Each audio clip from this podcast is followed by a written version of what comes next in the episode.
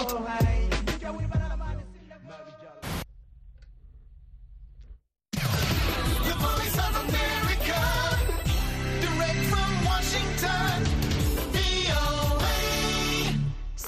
Hausa na muryar Amurka ke magana daga nan birnin Washington DC.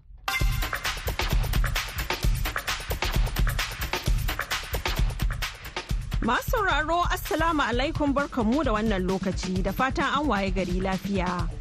Maryam Dauda ce tare da Sarfila Hashim Gumel da sauran abokan aiki muke farin cikin gabatar muku da wannan shirin na safe a yau talata 16 ga watan Janairu na shekarar 2024. To kafin ku ji abubuwan da muke tafa da su da farko ga kanan labarai. To Maryam je litinin ministan tsaron Isra'ila ya ce nan ba da jima ba za a ka ƙarshen yaƙin da Isra'ila ke da ƙungiyar Hamas amma ya kawar da fitin tsagaita wuta. 'Yan tawayen hutu sun harba makami mai linzami kan wani jirgin ruwa mallakar Amurka ce litinin. Haka kuma za a ji cewa an zaɓi Lionel Messi a matsayin gwarzon ɗan wasan ƙwallon ƙafa na FIFA bayan da ya tashi daga wato Paris Saint-Germain zuwa Inter Miami. To madalla a cikin shirin namu na yanzu za ku ji cewa a makon da ya gabata 'yan bindiga sun sace mutane da dama tare da kashe wasu a sassan karamar hukumar buhari da ke abuja wani mazaunin yankin da ya buƙaci a sa kai sunansa ya bayyana abin da ya sani akan lamarin. Eh mutanen da aka kama aka kashe iyalin ba ma ɗaya ba ne biyu aka kashe. Na kawu shi ma haka similar case ne. Shi ma cikin wanda aka kama an saki wasu daga cikinsu cewa su zo su nemi kuɗi. Na ji da ya kai naira miliyan ashirin ko kuma fiye da haka. Su mutanen suna gari amma 'ya'yansu da sauran jama'a suna daji. Za ku ji ƙarin bayani nan gaba. A ɓangaren rahotanni na musamman da muka fara kawo muku game da cika shekaru 45 da kafa sashen hausa na muryar amurka. Za ku ji hirar da muryar amurka ta yi da tsohon shugaban najeriya ibrahim badamasu babangida. Kamar yadda muka saba a kowace ranar talata a wannan lokaci yau ma muna nan tafa da shirin tsaka mai wuya wanda ya tattaro ra'ayoyin jama'a 'yan najeriya akan hukunce-hukuncen da kotun kolin ƙasar ta yanke game da zaɓukan gwamnonin wasu jihohin najeriya. Amma kafin nan sai a gyara zama a saurari labaran duniya kashi na farko. Jama'a salamu alaikum da fatan an waye gari lafiya ga labaran duniya. Jiya litinin ministan tsaron Isra'ila ya ce nan ba da jamawa ba za a ka ƙarshen yaƙin da Isra'ila ke da ƙungiyar Hamas amma ya kawar da batun tsagaita wuta. A wani taron manema labarai jiya litinin Yoab Gallant ya ce za a ka ƙarshen yaƙin da sojin Isra'ila suke a kudancin Gaza nan ba da jamawa ba. Ya ce a baya bayan nan sojoji suka ka ƙarshen har-haren da suke kaiwa a ƙasa arewacin Gaza. Galan ya ce Isra'ila ba za ta iya daina kai hare-hare a zirin Gaza ba saboda Hamas ba za ta amince ta sake sakin wasu mutanen da aka garkuwa da su ba ba tare da matsin lambar soja ba. Kalaman Galan na zuwa ne a daidai lokacin da ƙungiyar Hamas ta sanar da mutuwar biyu daga cikin mutanen da aka garkuwa da su a harin da ta kai a watan Oktoba. A cikin wani faifan bidiyo da ƙungiyar Hamas ta fitar ranar Litinin, ƙungiyar ta nuna garawakin mutane biyu da ta ce na daga cikin waɗanda ta yi garkuwa da su. a cikin wata sanarwa ta fitar ɗauke da hoton bidiyo hamas ta ce sojojin isra'ila ne suka kashe mutanen kakakin sojin isra'ila daniel hagari ya musanta cewa sojojin isra'ila ne suka haddasa mutuwar 'yan tawayen houthi sun harba makami mai linzami kan wani jirgin ruwa mallakar amurka jiya litinin a kusa da gabar ruwan yaman a mashigin tekun adin harin na ranar litinin kan jirgin Gibraltar Eagle ya zo ne ƙasa da kwana guda bayan da 'yan tawayen hutu Neman suka harba makami mai linzami kan wani jirgin ruwa na Amurka a tekun Bahar Maliya. Daga baya mayaƙan hutu sun yi ikirarin kai hari wanda ya ƙara dagula al'amura a yankin bayan harin da Amurka ta kai akan 'yan tawayen. Hare-haren ƙungiyar 'yan tawayen sun harzika jiragen ruwa na duniya a daidai lokacin da yaƙin Isra'ila da Hamas ke ci gaba. yayin da suke kai har-har kan muhimman hanyar shigar da makamashi daga gabas tsakiya zuwa asiya da kuma jigilar kayayyaki zuwa mashigin suarez zuwa turai donald trump shine wanda ake hasashen zai lashe zaɓen fidda ɗan takara a jihar iowa a daren jiya litinin bisa sakamakon farko a zaɓen farko a yaƙin neman zaɓen ɗan takarar shugaban ƙasar amurka na shekarar 2024 har yanzu ba a san iyakar tazarar nasararsa ba yayin da jeff kuman shugaban jam'iyyar republican na iowa ya faɗa wa the des moines register a ranar litinin cewa wataƙila zai iya kaiwa tsakar dare kafin a samu shigo bayanan kowane yanki. Magoya bayan tsohon shugaban sun jure yanayin sanyi mai tsanani da barazana ga rayuwa domin shiga cikin tarukan da trump ya a makarantu da coci da cibiyoyin al'umma a faɗin jihar.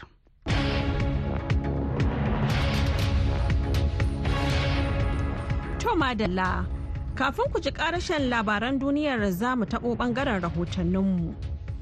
'Yan bindiga na ƙara tsananta yin garkuwa da mutane don neman kuɗin fansa a yankunan Abuja babban birnin tarayyar Najeriya. A makon da ya gabata 'yan bindigar sun sace wasu mutane da yawa a garin kau da ke ƙaramar hukumar Buwari, ciki har da ɗan garin mai garin da amaryarsa. Wasu da suka shaida lamarin sun bayyana abin da ya faru. wakilin muryar amurka hassan maina kaina na ɗauke da karin bayani a cikin wannan rahoton a dai makon da ya gabata ne wasu gungun 'yan bindiga daɗi suka mamaye garin kau da ke yankin karamar hukumar buhari a nan babban birnin tarayyar najeriya abuja inda suka yi awun gaba da wasu mutane masu yawan gaske da wasu alkaluma ke cewar sun hawar mutum ashirin. A cikin dai waɗanda aka sace ɗin hadda ɗan mai garin wanda sabon ango ne shida amaryarsa da wani mutum da iyalansa suka kai guda goma a ciki hadda 'ya'yansa na cikinsa guda biyar da kuma matansa wanda a halin yanzu suke neman naira miliyan ashirin a matsayin kuɗin fansa. Kafin duka wannan kuma 'yan bindigar sun kuma yi awon gaba da wani mutum mai suna alhaji mansur da yaransa guda shida dukkaninsu mata suka kuma bindige ɗaya daga cikin 'yan matan. Kafin wannan kuma sun bindige ɗaya daga cikin 'yan uwansa da suka kawo ɗauki tare da 'yan sanda inda daga bisani su ma suka sako shi alhaji mansur ɗin suka ce ya je ya nema musu naira miliyan sittin a matsayin kuɗin fansa. Na yi tattaki zuwa wannan yanki inda na gana da dukkanin iyalan ɓangarorin guda biyu. Amma duk ƙoƙarin da na yi sun kisce da ni uffan. Domin na same su a rikice suna cikin wani irin yanayi na kaduwa. Wannan wani gano ne a wannan yanki da bai samu ambaci sunan shi saboda matakai irin na tsaro. Eh mutanen da aka kama ha aka kashe iyalin ba ma ɗaya ba ne biyu aka kashe. Saboda da dare ne ya ji motsin mutane a gidan shi Allah ya taimaka har ya samu matan shi ta kira kanin shi. Kanin shi ya je report wajen yan sanda. yan sanda suka kama hanya da kanin nashi za su je rescue wa'ancan to a hanyar tafiyan su kenan bayan sun kusa da gidan sai suka fara jin halbi. A take aka kashe kanin aka halbi polis guda biyu aka sako baban aka ce zai nemi wai an ce nemi miliyan 60 da zai je an shi yaran shi. To cikin yaran ne sai aka ji halbe mai guda kuma aka tura shi je doki gawa to ba wannan kuma sai wanda faru na garin kawo ko shi ma? Eh na kawu shi ma haka similar case ne. Shi ma cikin wanda aka kama an saki wasu daga cikinsu cewa su zo su nemi kuɗi na ji da ya kai naira miliyan ashirin ko kuma fiye da haka da su ma su karɓi 'ya'yansu su mutanen suna gari amma 'ya'yansu da sauran jama'a suna daji. wannan ita ma wata mazauniyar yankin ne kewa muryar amurka karin bayani akan abin da ya faru. kidnappers din sun shigo gidan sun ɗau da babansu da yara shida dama su yaran guda biyar ne amma akwai wani cousin ɗinsu da ta zo hutu a wajen su da ita ne suka zama yara shida. Tsoron juma'a? Aka yi rilizin ɗin baban su juma'a ko aka yi rilizin ɗin baban su aka ce ya je ya nemo kuɗi ya je ya nemo ransom ɗin da za su biya ma yaran. So suka ce wai suna son miliyan goma per head. So tun da su yaran guda shida ne shine suka ce wai su suna son miliyan sittin. Kuma sun ba da deadline zuwa friday ɗin nan mai zuwa. A dai kan wannan batu hedikwatar rundunar 'yan sandan najeriya ta ce tana iya kokarinta domin kuɓutar da dukkanin waɗanda abin ya shafa. Kakakin 'yan sandan najeriya acp muyiwa adejobi a wata sanarwa da ya aiko mana ya ce saboda sarƙaƙƙiyar wannan lamari dole ne a bi shi a sannu kuma a yi taka tsantsan. Hassan mai na kaina muryar amurka daga abuja nigeria Madalla gaida Hassan Maina kaina shirye-shiryen na zuwa muku ne daga nan sashen Hausa na muryar Amurka a birnin Washington DC. To yanzu kuma ga karashen labaran duniya. jiya litinin hukumar kula da zirga-zirgar jiragen sama ta tanzania ta sanar da wato ta sanar da cewa ƙasar ta janye amincewa ta na barin jiragen kenya airways yin zirga-zirga tsakanin nairobi babban birnin ƙasar kenya da dar es salaam cibiyar kasuwancin tanzania tanzania ta ce ta ɗauki wannan mataki ne a matsayin ramuwar gayya kan tawaye haƙƙin da kenya ta yi wa jirgin saman air tanzania don gudanar da jigilar kayayyaki tsakanin ƙasashen biyu. A cikin wata sanarwa ta fitar hukumar kula da sufurin jiragen sama na tanzania ta ce ta yanke shawarar soke amincewar da aka ba kenya airway na yin jigilar fasinja tsakanin nairobi da dar es salaam wanda zai fara aiki daga ranar 22 ga wannan wata na janairun shekarar 2024 hukumar ta ce matakin da kenya ta ɗauka na kin amincewa da buƙatar air tanzania na jigilar kayayyaki ya saba yarjejeniyar fahimtar juna ta 2016 tsakanin ƙasashen biyu kan harkokin sufurin jiragen sama Kasar China za ta nuna bajinta a yau talata inda wata babbar tawaga ta firaministan ƙasar China Li Qian ya jagoranta wajen taron shekara-shekara na manyan ƙasashen duniya a birnin Davos duk da yaƙin da ake yi a Ukraine da Gaza. Shi ma shugaban ƙasar Ukraine Vladimir Zelensky zai halarci taron tattalin arzikin na duniya da kansa a karan farko tun bayan da Rasha ta fara mamaye ƙasar a shekarar 2022 yana fatan ƙara samun taimako yayin da rikicin ke gidab da cika shekaru biyu. kip da yana cigaba da fafata wato fafutuka don ganin cewa tallafin kuɗi bai tsaya ba ga ƙasar ukraine a lokacin yaƙi mafi girma a nahiyar turai tun bayan yaƙin duniya na biyu yayin da hankalin duniya ya karkata ga yankin gabas ta tsakiya sakamakon fargabar barkewar rikici a gaza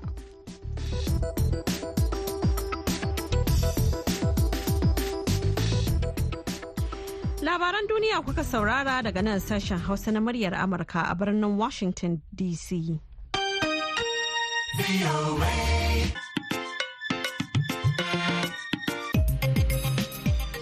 To madalla. A ɓangaren rahotanni na musamman da muke kawo muku yayin da sashen Hausa na muryar Amurka zai cika shekaru 45 da kafuwa ranar 21 ga wannan watan na Janairu. Wakilin muryar Amurka Mustapha Nasiru Batsari ya yi hira da tsohon shugaban Najeriya Ibrahim Badamasu Babangida wanda ya bayyana irin rawar da gidan rediyon ke takawa a rayuwar al'umma. Kuna ayyuka da yawa da jama'a inda duk ake hausa a afirka ba najeriya kaɗai ba ina jin kowa na sauraren ku.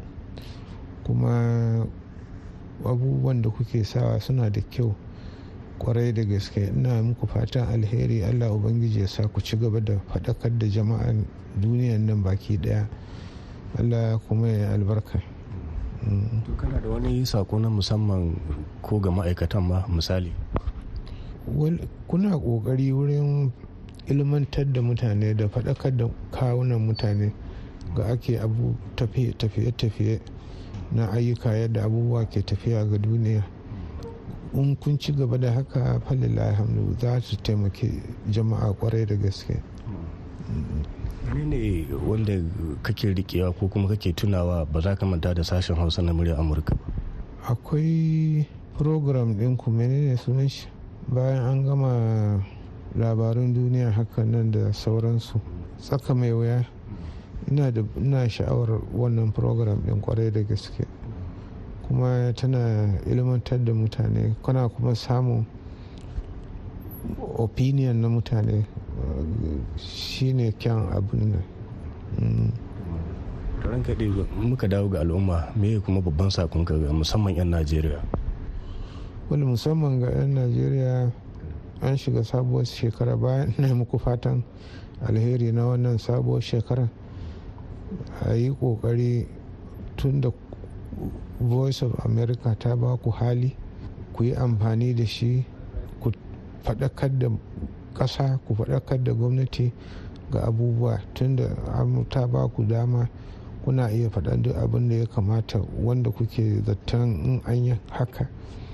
Zai taimaki ƙasar nan ko zai taimaki al'umman ƙasar nan.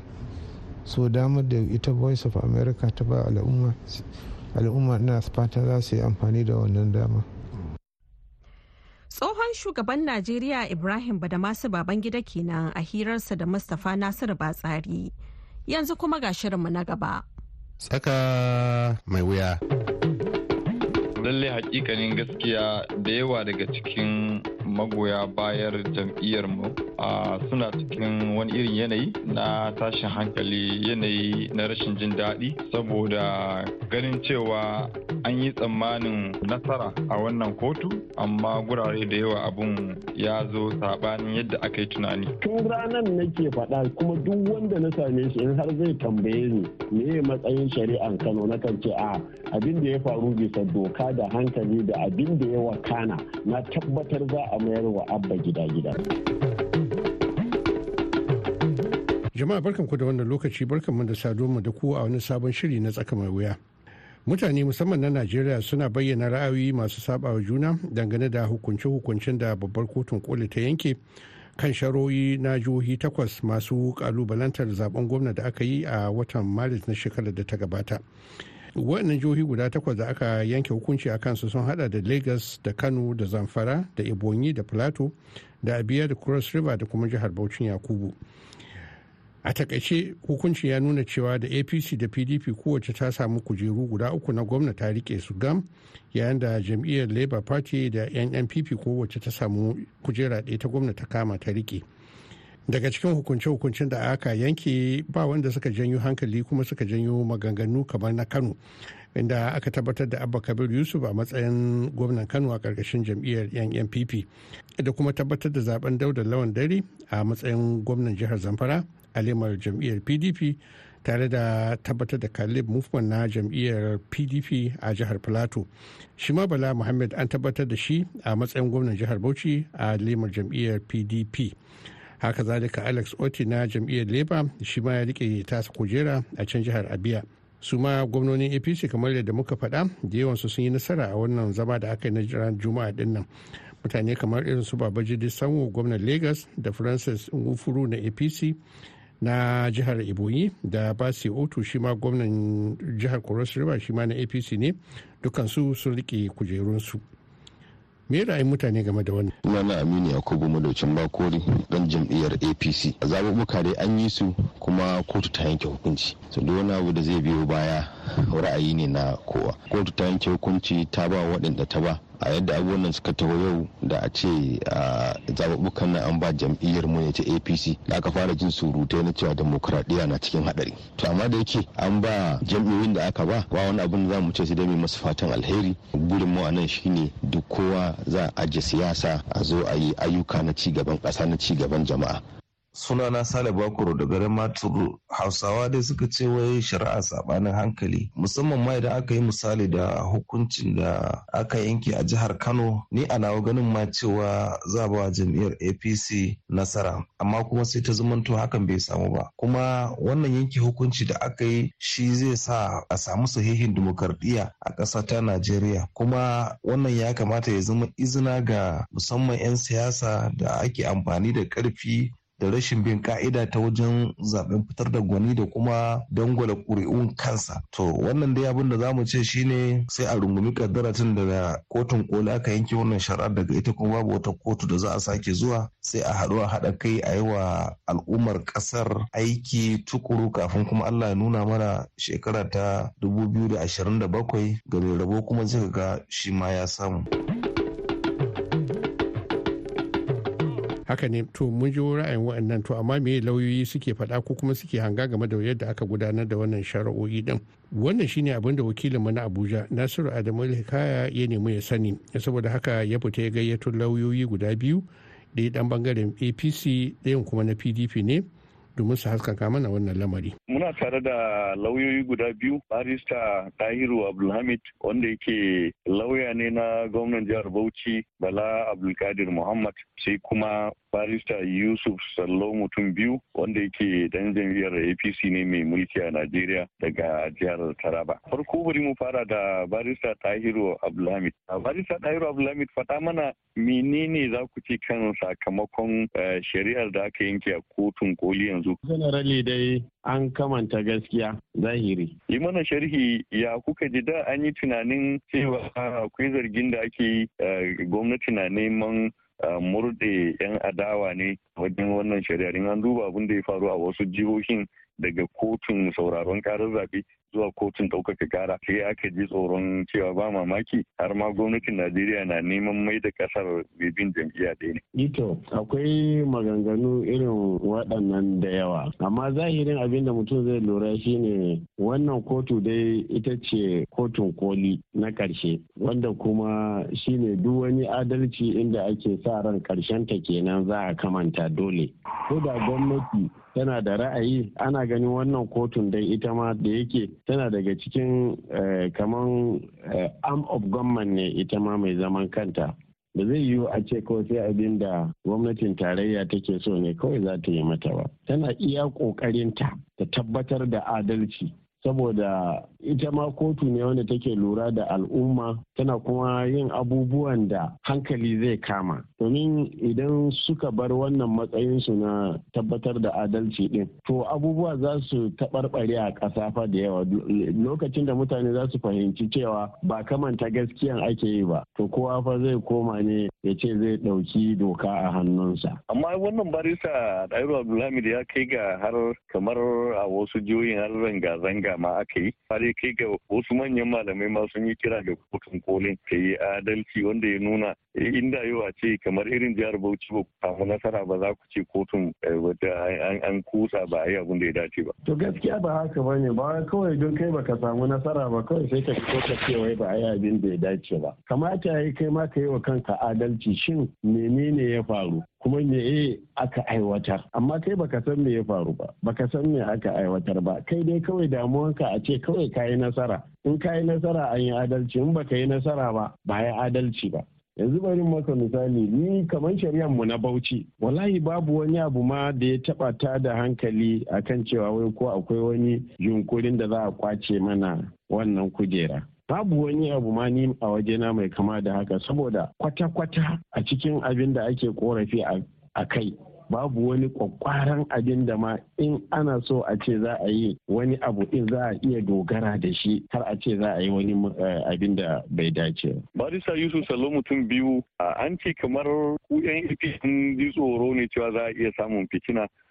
Shi yasa kuka bar jihohin adawan nan ba a ƙwace su me zaka ce kan wannan? Ato lalle hakikanin gaskiya da yawa daga cikin magoya bayar jam'iyyar mu Uh, suna cikin wani irin yanayi na tashin hankali yanayi na rashin jin daɗi. Saboda ganin cewa an yi tsammanin nasara a wannan kotu amma gurare da yawa abun ya zo saɓanin yadda aka yi tunani. Amma wannan ba shi ke nuna cewa kuma gwamnati tana da hannu ko ta shirya wata manakisa ko wani abu mai kama da wannan ba. Duk wanda ya san yadda ake tafe da mulki a najeriya kuma ya san tsarin dokan najeriya ya san cewa dokar ƙasa ta raba ayyukan wa'annan bangarorruka guda uku da ake da shi na gwamnati zartarwa da kuma ɓangaren wato shari'a da kuma ɓangare na masu yin dokoki kenan. So za ga cewa dokan ta yi bayani dalla-dalla abu ne wanda mutane da yawa ba su da fahimtar me dokan Najeriya take kunshe da shi. Sashi na huɗu,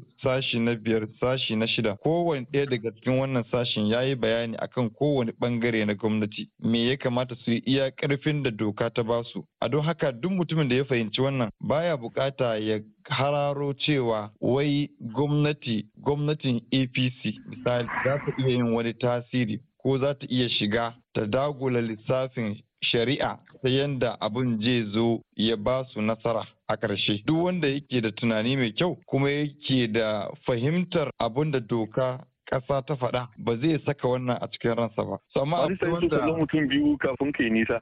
Ɗazu ka ce akwai jihohin da ko kuma akwai inda ya kamata da kun yi tunanin ya kamata da kun samu nasara. Yi mana misali kamar wace jiha kake magana. To misali kamar kamar jihar Kano da ake ta rikici ake ta tattaunawa a kanta. Kaga ai alamu ya nuna mun je kotun farko an ba mu hukunci mun je kotu na biyu wato kotun ɗaukaka ƙara nan ma mun yi nasara. So, a tunaninmu shine kotun koli za ta yi amfani da hujjojin da aka gabatar a karamar kotu na tribunal da kuma kotu na ɗaukaka ƙara su ɗora a kan wannan bisa al'adan kotun koli kamar yadda ta saba duk lokacin da aka zartar da abu a kotuna na ƙasa da ita sau da yawa za ka ga cewa takan zo ne ta duba kawai ta aiwatar ba tare da ta wato ta yi reverse koko ta janye wannan hukunci da aka ba na farko ba. Duk da cewa hakan bai hana bai hana ta duba kuma ta ga cewa in akwai bukatan a janye hukuncin da aka bayar na farko. Amma dai hakikanin gaskiya ya zo mana da ainihin wato bazata. Kuma kamar yadda na faɗa wato akwai wasu abubuwa da zaka iya dubawa ka ga cewa eh lallai lauyoyinmu da suka tsaya tun daga farko har aka je ga wato kotun koli sun yi ƙoƙari sun yi abin bajinta kuma sun yi abin ayaba. Duk da cewa wannan bai hana cewa bai hana a gano wani abu ɗaya biyu haka wanda za a iya cewa inda a ce an yi su wala Allah da ba a kai da labarin ba haka yake ba misali a yau. Eh barista Yusuf Lalau kafin ka je nan bari mu dawo wajen Dahiru Abdulhamid. Barista Dahiru Abdulhamid gashi nan shi Yusuf Lalau mutum biyu ya ce sun so da sun lashe Kano a gaban ka aka yanke hukuncin nan na Kano. Me za ka ce kan yadda aka yi shari'ar jihar Kano? To gaskiya shi dai ni a wajena yana faɗa ne idan har za a ji gaskiya ɗin kamar yadda yake faɗa. Bil hakika lokacin da aka yi shari'an Kano ina nan a kotu. Sai da aka yi na kano kamin aka yi na bauchi. Ni dai ba dan kano ba ne kuma ban taba bibiyan shari'ansu ba. Tun daga tribunal har court of appeal ban bi shari'ansu ba. Sai da aka zo supreme court suka haɗu da na bauchi. A wannan dalili ya sa na saurare su. Ranar da na saurari shari'an kano tun kamin a yi na bauchi shi aka fara yi. Tun ranar ni na yanke hukunci a matsayina na lauya wanda na san doka. Na san cewa za a ƙwace wannan kujera ko kuma za a mayar wa shi abba gida-gida da kujeransa kuma na faɗa wa kowa tun ranar nake faɗa kuma duk wanda na same shi in har zai tambaye ni me matsayin shari'an kano na kan ce a abin da ya faru bisa doka da hankali da abin da ya wakana na tabbatar za a mayar wa abba gida-gida. Mana bayanin menene ka lura da shi yasa ka tsaya wa. Madalla. To wannan shine shimfiɗar wannan tattaunawa game da shari'o'in da kotun kolin najeriya ta yanke dangane da shari'o'in gwamnonin jihohi daban-daban a najeriya. An allah ya kammala na wace za mu zo mu ci gaba mu ji me yasa aka daga ko kuma aka ɗaukaka shari'a abba gida-gida har sau tara kafin kotun koli ta zo ta yanke wannan hukuncin.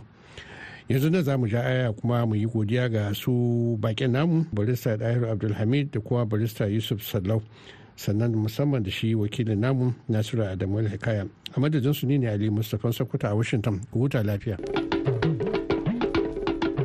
To madalla a gaida aliyu mustapha sokoto. Yanzu kuma ga wannan saƙon.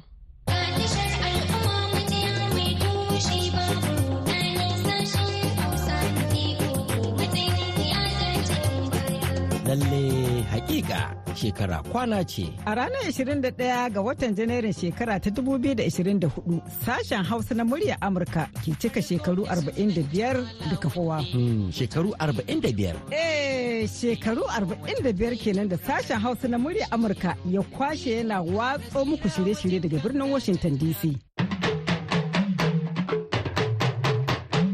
Kamar kullum wannan karon ma mun yi sauye-sauye a tsarin shirye-shiryenmu domin daidaicewa da zamani da kuma biyan bukatun ku masu saurare. Mun fito da wasu sabbin shirye-shirye na rediyo da suka hada da daga kawayenmu. Zamantakewa da Allah ɗaya gari bamban. Da kuma dandalin 'yan jarida. Lokutan muna nan ba su canja ba. Haka ma, mitocin da ake kama mu ma ba su sauya ba. Zamani riga a ɓangaren talabijin ma mun yi muku kyakkyawan tanadi tare da ƙirƙiro sabon shirin nishaɗi na dardumar BOA. Haka kuma a gefen sadarwa ta zamani za ku ga sauyi a dukkan shafukanmu na intanet tare da sabbin shafuka na duniya Amurka da tafiya mabuɗin ilimi har ma da ingantaccen shirin na na ji na gani da ke kawo muku faruwar al'amura kai tsaye a duk faɗin duniya. Sashen Hausa na muryar Amurka majiya kwakwara ta yada labarai da rahotanni. Ku kasance tare da mu a ko da yaushe domin biyan bukatunku shine muradinmu. Shirye-shiryen ku ga su cikin ma'ana da tsari. To madalla yanzu kuma ga takaitattun labaran duniya. To a taƙaice an ji cewa jiya litinin ministan tsaron Isra'ila ya ce nan ba da jima ba za a ka ƙarshen yaƙin da Isra'ila ke da ƙungiyar Hamas amma ya kawar da batun tsagai ta buɗe wuta. 'Yan tawayen hutu sun harba makami mai linzami kan wani jirgin ruwan mallakar Amurka jiya litinin a kusa da gabar ruwan Yemen a mashigin tekun Aden. Hawa kuma an ji cewa Donald Trump shine wanda ake hasashen zai lashe zaɓen fidda ɗan takara a jihar Iowa a daren jiya litinin bisa sakamakon farko. To ma sauraro da haka baka kawo ƙarshen shirinmu na wannan lokaci sai kuma an jima da hantsi idan Allah ya kai mu za ku ji mu ɗauke da wani sabon shirin. A madadin Sarfila Hashim Gumel da ya taya na gabatar da shirin da Dadi Balawaye wanda ya haɗa shirin da ba da umarni da ma injiniyan mu Kevin ni Maryam Dauda ke cewa ku huta lafiya.